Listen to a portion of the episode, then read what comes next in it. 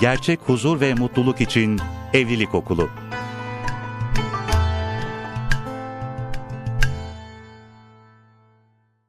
Merhabalar sevgili dinleyenler. Akra'dan Evlilik Okulu'ndan hepinize selamlar, muhabbetler.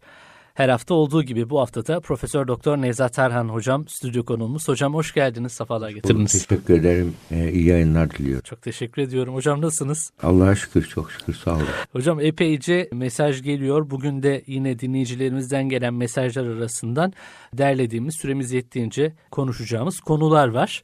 Arzu ederseniz ilk dinleyicimizin sorularını aktarayım ben size. Tamam. Dinleyicimiz şöyle bir mesaj atmış. Selamünaleyküm ben 4,5 yıllık evliyim. Eşim kolay şekilde yalan söylüyor. Defalarca konuştuk, yeri geldi kavga ettik. En sonunda yalan söylersen ayrılırım senden dedim.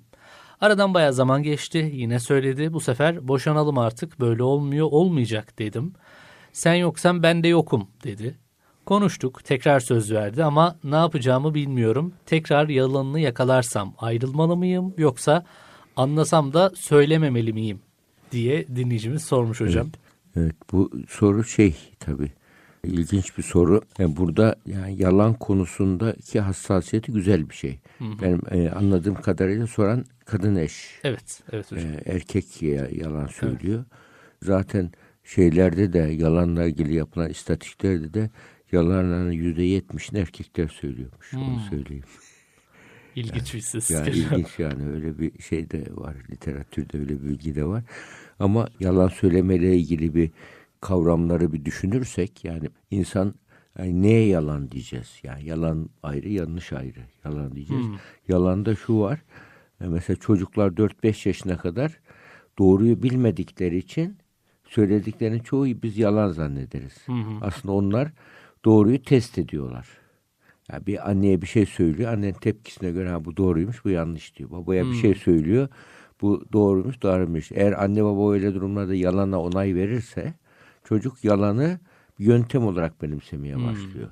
Yani hak arama ve sorun çözme yöntemi olarak öğrenmiş oluyor çocuk Evet, küçük evet. yaştan. Yani yalan belki küçük ama büyük yangınlar gibi küçük bir kıvılcımla başlar.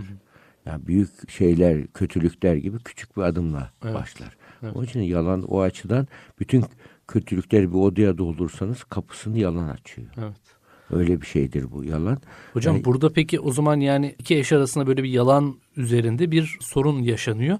Buraya tekrar gelelim tabii daha konuşacağız burayı ama o zaman öncesinde yani dinleyicilerimize küçük çocuğu olanlara özellikle tavsiye açısından yani yalan sonradan insanın aklı başına gelince tercih ettiği bir şey değil o zaman. Yani küçük yaştan itibaren nasıl ağlamayı bir yöntem olarak bir şey Evet. yaptırmak için koyuyor. Yalan da Yalan da O o, şekilde geliyor. öğren yalan öğrenilen bir durum. Çocuk çünkü e, mesela çocuk eline suyu alır, bardağa döker. Biz sanarız ki yaramazlık yapıyor. Hayır.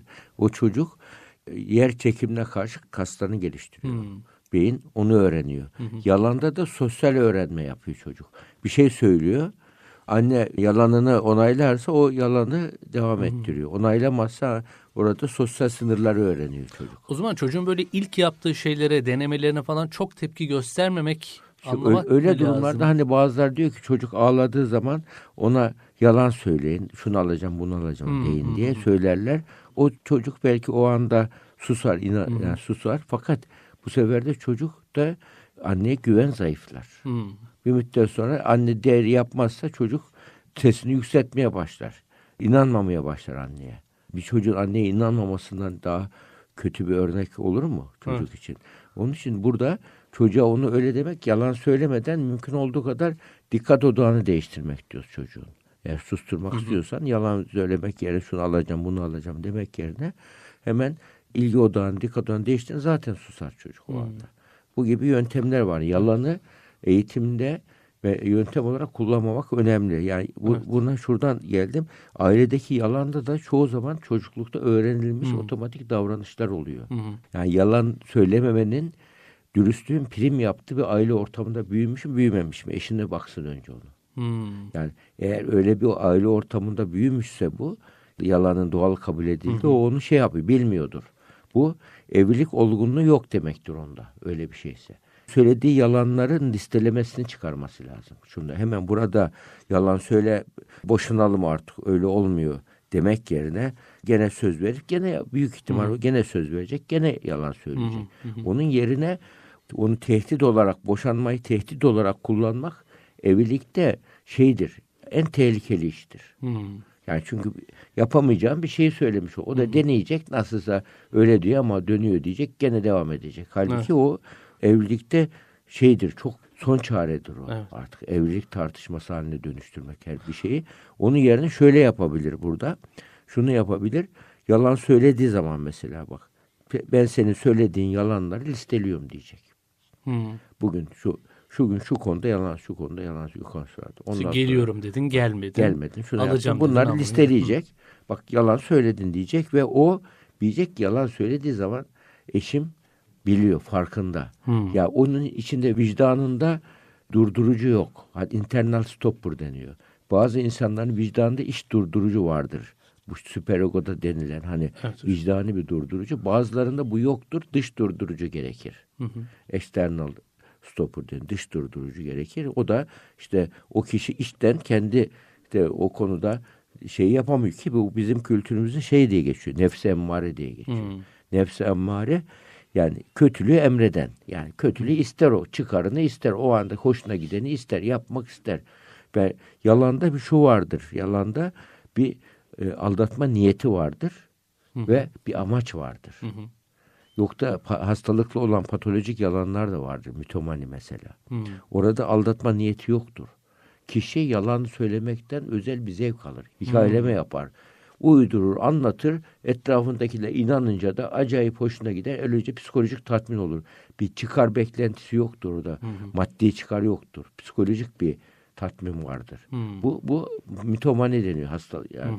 Çocuklarda olur bunu dener anne baba buna şey olursa teşne olursa daha çok artar. Onun için yani yalanda böyle yalanın prim yapmadığı bir kişilik tipi sergilerse taraflardan birisi diğer taraf seviyorsa onu değişmeye başlar. Hmm. Şimdi burada yani ben sensiz yapamam e, yoksa ben de yokum demesi onun demek ki seviyor. Hı hı. Aile bağına birliğine önem veriyor demektir. Bu durumda bu sevgiyi şey olarak böyle kontrol sistemi olarak kullanması gerekiyor. Yani listeleyecek yani bir çocuğu eğitir gibi eşini eğitecek. Burada büyük ihtimal eşi uzamış ergenlik. Hmm. Yani erkeklerde var ergenliği erkeklerde 40 yaşına kadar uz- bitebiliyor ergenlik. Evleniyor Hmm.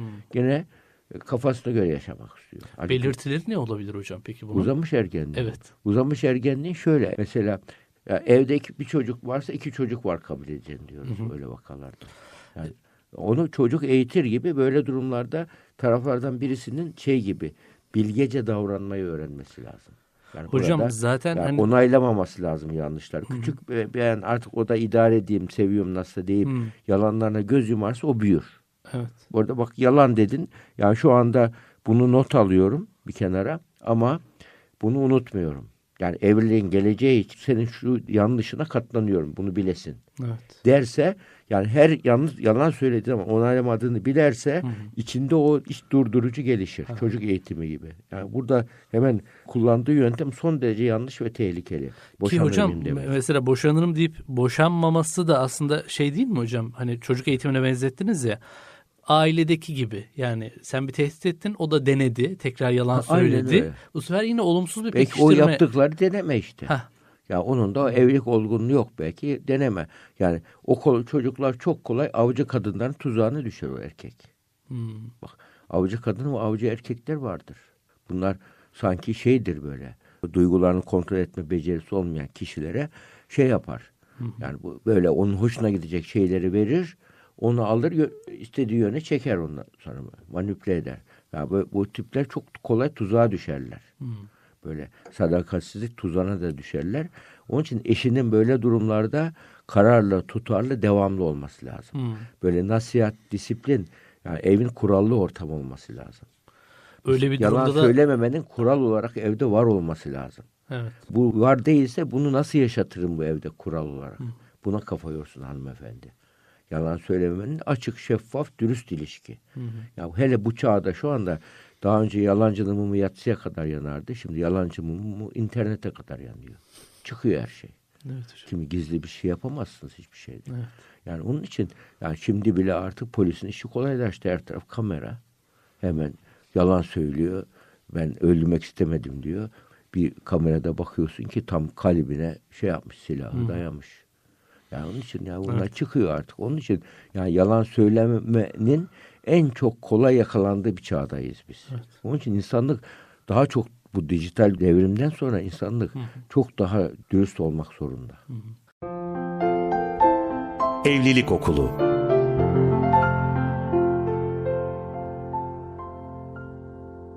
Peki hocam tavsiyelerimizi toparlayacak olursak yalanları listeleyecek ve böyle e, yalan söylersen boşanırım gibi böyle büyük bir Hayır. laf etmeyecek. Etmeyecek, bunu yazıyorum diyecek. Ha, E, somut yazıyor. bir yüzleştirme yapacak. Yüzleşti, Bak, o anda bu şu yüzleşecek. yalanları sen Şu an bana söyledin. Yalan değilse belki o yalan zannediyordur. Hmm. Konuşacak onu. Böyle böyle var, böyle bir olay var. Bu neden oldu, nasıl oldu açıklar mısın diyecek. Eğer bilgi saklıyorsa eş, telefonu eve gelince şifresini değiştiriyorsa, bir şey yapıyorsa o gizli gündemi var demektir. Hmm. O evlilik güven oluşmaz orada. Anladım. Yani evlilik çünkü öyle bir ortam ki evlilik insanın kendini güvende hissettiği ortamdır. Güvenlik alanıdır insanın. Eve geldiği zaman eş ona yalan söylüyor. Burada A söylüyor, dışarıda B söylüyor. Böyle bir evlilik yürümüyor zaten. Yani evlilik yıkılmaların en büyük sebebi, tartışmaların en büyük sebebi evliliğin, evin güven alanı olmaması. Güven hep böyle modernizm bize aşk, aşk, sevgi, sevgi diyor. Halbuki şu anda evlilikteki en önemli kavram şu anda güven kavramı. Ev güvenli alandır. Yani sevgi korkuyu azaltıp güveni artırdığı için önemli. Tabii sevgi önemli ama sevgi seviyor ama çıkarını seviyor ondaki. Onun işte varlığını seviyor, fiziksel görünümü seviyor vesaire. Belli bir şeye geldi mi bir çiçekle bahar olmaz diyor. Rahat aldatabiliyor. Halbuki onu olduğu gibi sevebiliyor mu? Ev ev sığınak gibi mi herkes için? Çocuklar için, anne baba için. Akıllı kişiler evi güvenli alanı haline getirir. Güvenli alanın devam etmesi için de açık, şeffaf, dürüst ilişki gerekir böyle durumlarda. Yani bu da çeşitli zorluklar var. O zorlukları aşmanın da yolları da var. Yani insan önümüzdeki çıkan engeller şey gibidir. Bir bir saray düşünün. 100 tane kapısı olan saray. 99 kapısı kapalı olsa bir kapısı açık olsa uğraş uğraş uğraş girersin o kapıdan. Ama bir, bir iki üç tane kapıyı deneyip olmuyor buraya girilmiyor dersen e, yapamazsın. İnsan da böyledir. Yüz kapılı bir saray gibidir. Onun anladığı bir dil ve yol vardır.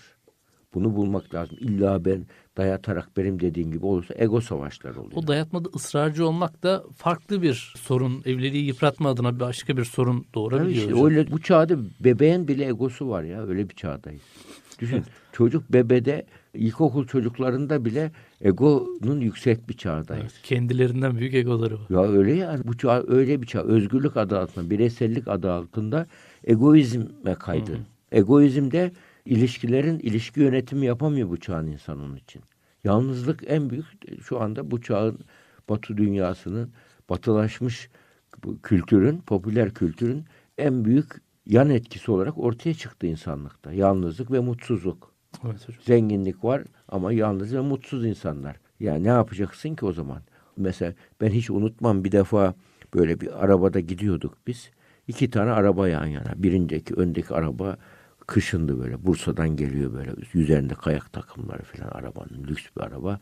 İki kişi oturuyor. Arkada bir tane çocuk var. Suratlar asık, huzursuz. Belli yani bir gerilimli bir ortamda arabanın içinde. Arkada arabada da bir station arabaydı. 7-8 kişi vardı. Arkada da bir sürü çocuklar. Allah neşe. O da oradan oraya gidiyor. O da oradan oraya gidiyor. Biri lüks arabada gidiyor. Biri şey arabada gidiyor. Hani ucuz arabada gidiyor. Ama nasıl oraya giderken kim daha mutlu gidiyor? Mühim olan o. Ya doğru mutlu gidemedikten sonra sen bütün dünya İstanbul senin olsa neye yarar ki? Ya onun için bu, bu çağda paradigmalar dönüşüyor çok hızlı.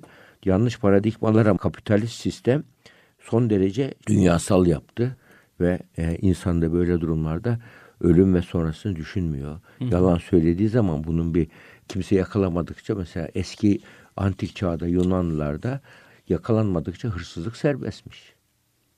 Yakalanmadıkça yalan serbest. Yani böyle bir çağda şey olmaz ki.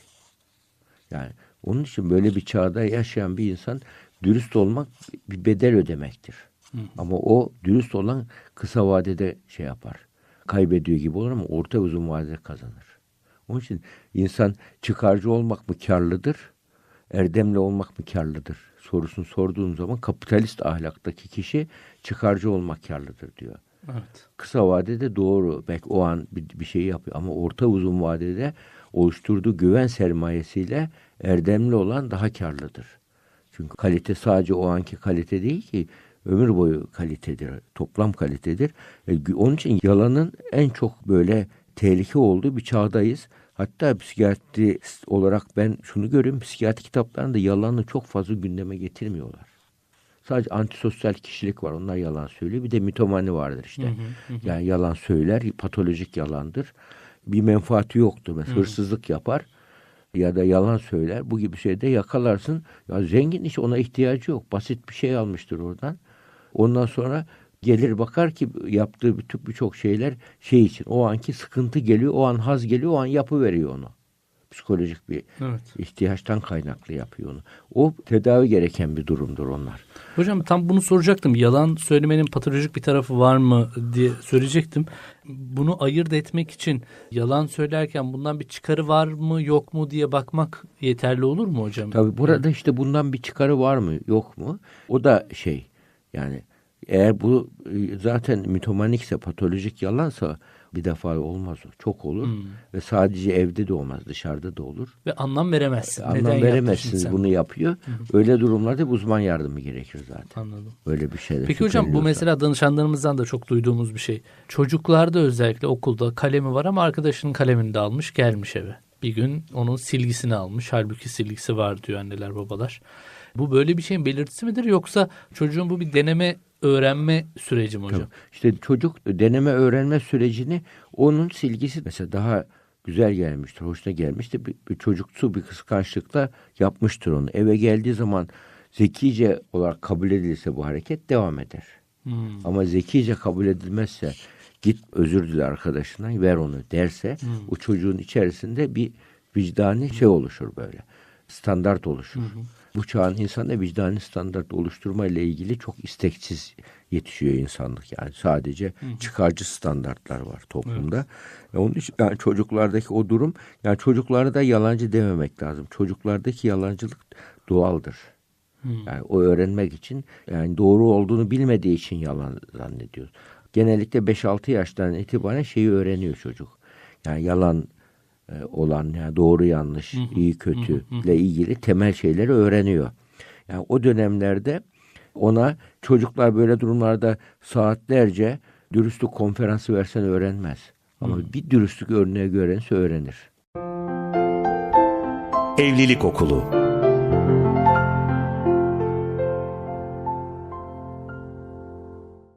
babanın birisi çocuğuna az konuşmanın faziletleri dair 3 saat konuşmuş. ya bu çocuk çocuk der ki baba sen kaç saattir konuşuyorsun yani bu dediğini yapmıyorsun der tesir etmez. Evet. Onun için evde en güzel en tesirli yöntem roldür. Rol model olmaktır yani. Sosyal rolleri iyi doğru şekilde ifade edem yaşayabilmektir evde. Bu en güzeli o. O olmadı işte bu evlilik gibi bir durum bir şekilde yetişmiş geliyor bu kimse.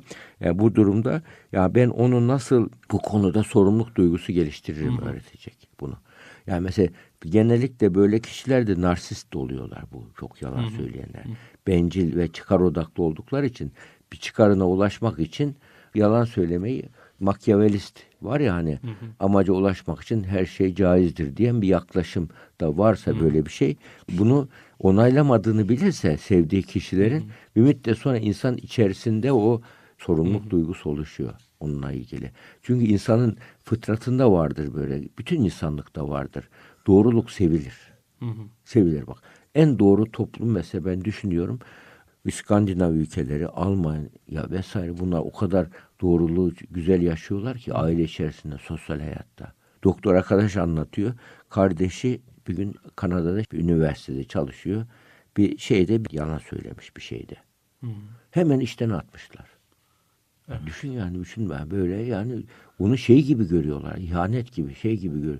E böyle bir durumda insanlar ciddi bir şekilde bizde de aslansın kaplansın diye çocuğa şey yapılıyor. Mesela çocuk bakkala gitti diyelim. Oradan şey görmeden bakkal amca görmeden bir Şeyhi yürüttü. Eve geldi babasına gösterdi. Babası baş ver ya o kadarcık olur falan dedi ona. Bir şey yapmadı. O çocuk ona devam ettirir. Halbuki öyle şöyle yapsa baba yanına alıp çocuğu gitse bak çocuğum herhalde sen bunları bilmiyorsun daha öğrendiyse gitse bakkal amcaya şeker iadesi ya da parasını verse bir de özür dilese çocuktaki olacağı o sorumluluk duygusu. Bak utançtan daha önemlidir bu. Utanç değil bu. Çocuğu utançlı olmasın çocuğum. Özgür yetişsin diye bunlara yapmıyoruz bir toplumda. Evet. Özgür yetişsin. Utanç duygusu çocuğun gelişmesine engeldir diyen Freud'un bir şeyi var. Görüşü var. O da yanlış anlaşılıyor.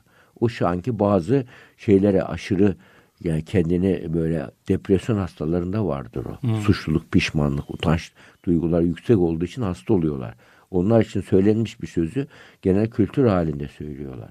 Halbuki utanma duygusu insanın sosyal sınırları çizen bilgisi. Normlarda bir hukuki normlar var. Yasalarla belirlidir. Bir sosyal normlar var. Bunlar geleneklerle bellidir. Bir de ahlaki normlar var. Bu da vicdanla bellidir. Vicdan gelişen bir şeydir. Vicdan duygusu doğuştandır ama vicdani standartlar sonradan gelişiyor. İşte bunlar öğretilirse yani zaten hep söylenir İbn Haldun'un bir sözü. Eğer iyi bir çocuk yetiştirirseniz ona miras bırakmaya lüzum yok ki zaten yapar diyor. İyi bir çocuk yetiştirmediysen istediğiniz kadar miras bırakın zaten bir şey yaramaz diyor. Evet. Ya onun için bu en büyük miras da onun için çocuğa iyi ahlak. Bunu verebilmek. Bunu verdikten sonra hiç korkma. Evet. Yani. Halbuki haya utanmak ne kadar böyle güzel bir Müslümanda olması Ya gereken. ben bir e, hadis-i şerif e, okuyunca şaşırmıştım. Ahir zamanda sahabelere Peygamberimiz Aleyhisselatü Vesselam ahir zamanda diyor ki e, şeytan gençlere musallat olacaktır diyor. Hadis-i şerif ahir zamanda. Şeytan gençlere musallat olacaktır diyor. Nasıl anlarız ey Allah'ın Resulü deyince iki şeyden anlarsınız diyor. Biri utanma eksikliği, diğeri merhamet eksikliği diyor. hmm, iki duygunun zayıflamasını anlarsınız diyor. Ben buradan hareketle o halde biz gençlere utanma duygusunu yani sorumluluk duygusu aslında bu şu andaki daha iyi anlaşılır. Diğeri de merhamet, merhamet duygusu yani empati aslında. Bu sorumluluk duygusu, empatiye uygun bir aile ortamı sağlayalım biz. Çocuk yetiştirelim. Emin ol birçok şeytanın böyle nefsimizi yanıltmasından kurtarmış oluruz ona. En güzel manevi cihazları kazandırmış oluruz. evet. Programın böyle en önemli tavsiyelerinden bir tanesi bu oldu hocam. Evet. Hocam dinleyicimize tavsiyelerinizi aktarmış olduk. Son olarak benim bu soruda dikkatimi çeken bir şey oldu hocam konudan bağımsız olarak. Ee, bu çok kişi böyle ikilemde kalan çok kişi de bunu hep sorar birilerinden bir onay ister. İşte tekrar yakalarsam ayrılmalı mıyım? Devam mı etmeliyim? Yani bu çok önemli. Kimse de diyemez. Evet bence ayrıl artık. Bu böyle olmaz ya da Yok onu, e, o ayrılma bir devam veballi iş. O kararı Evet. onlar verecek. Evet. Biz biz böyle durumlarda geldiği zaman ona farklı bakış açıları getiriyoruz. Seçenek sunuyoruz. Bunu şu şekilde yaparsan böyle olur.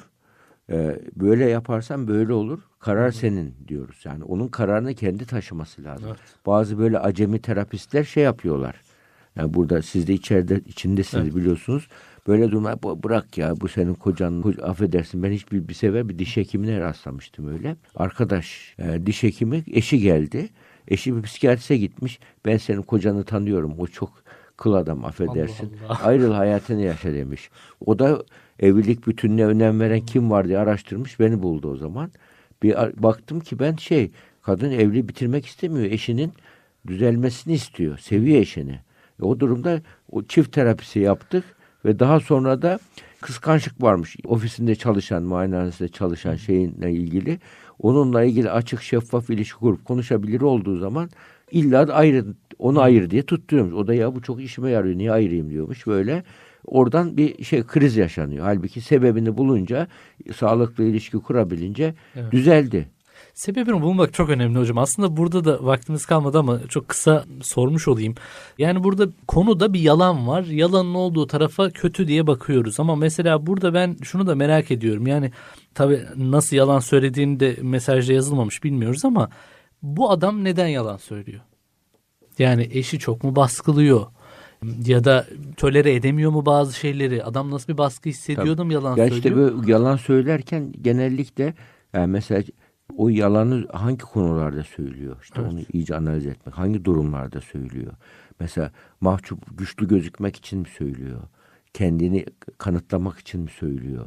Yahut da bir savunma yalanı mı söylüyor? Mesela çocuklar çok söyler onu savunma yalanı. Yahut da kişi bazı e, çıkarını elde etmek için mesela aldatma planı yapıyorsa amaçlı bir yalan mı? Amaç var mı? Bunlara bakılır. Amaçsız yok ama böyle çocuksu yalanlar söylüyorsa ki burada öyle gözüküyor. Öyle durumlarda ona net tavır alıp böyle onaylamama durumu gerekiyor burada.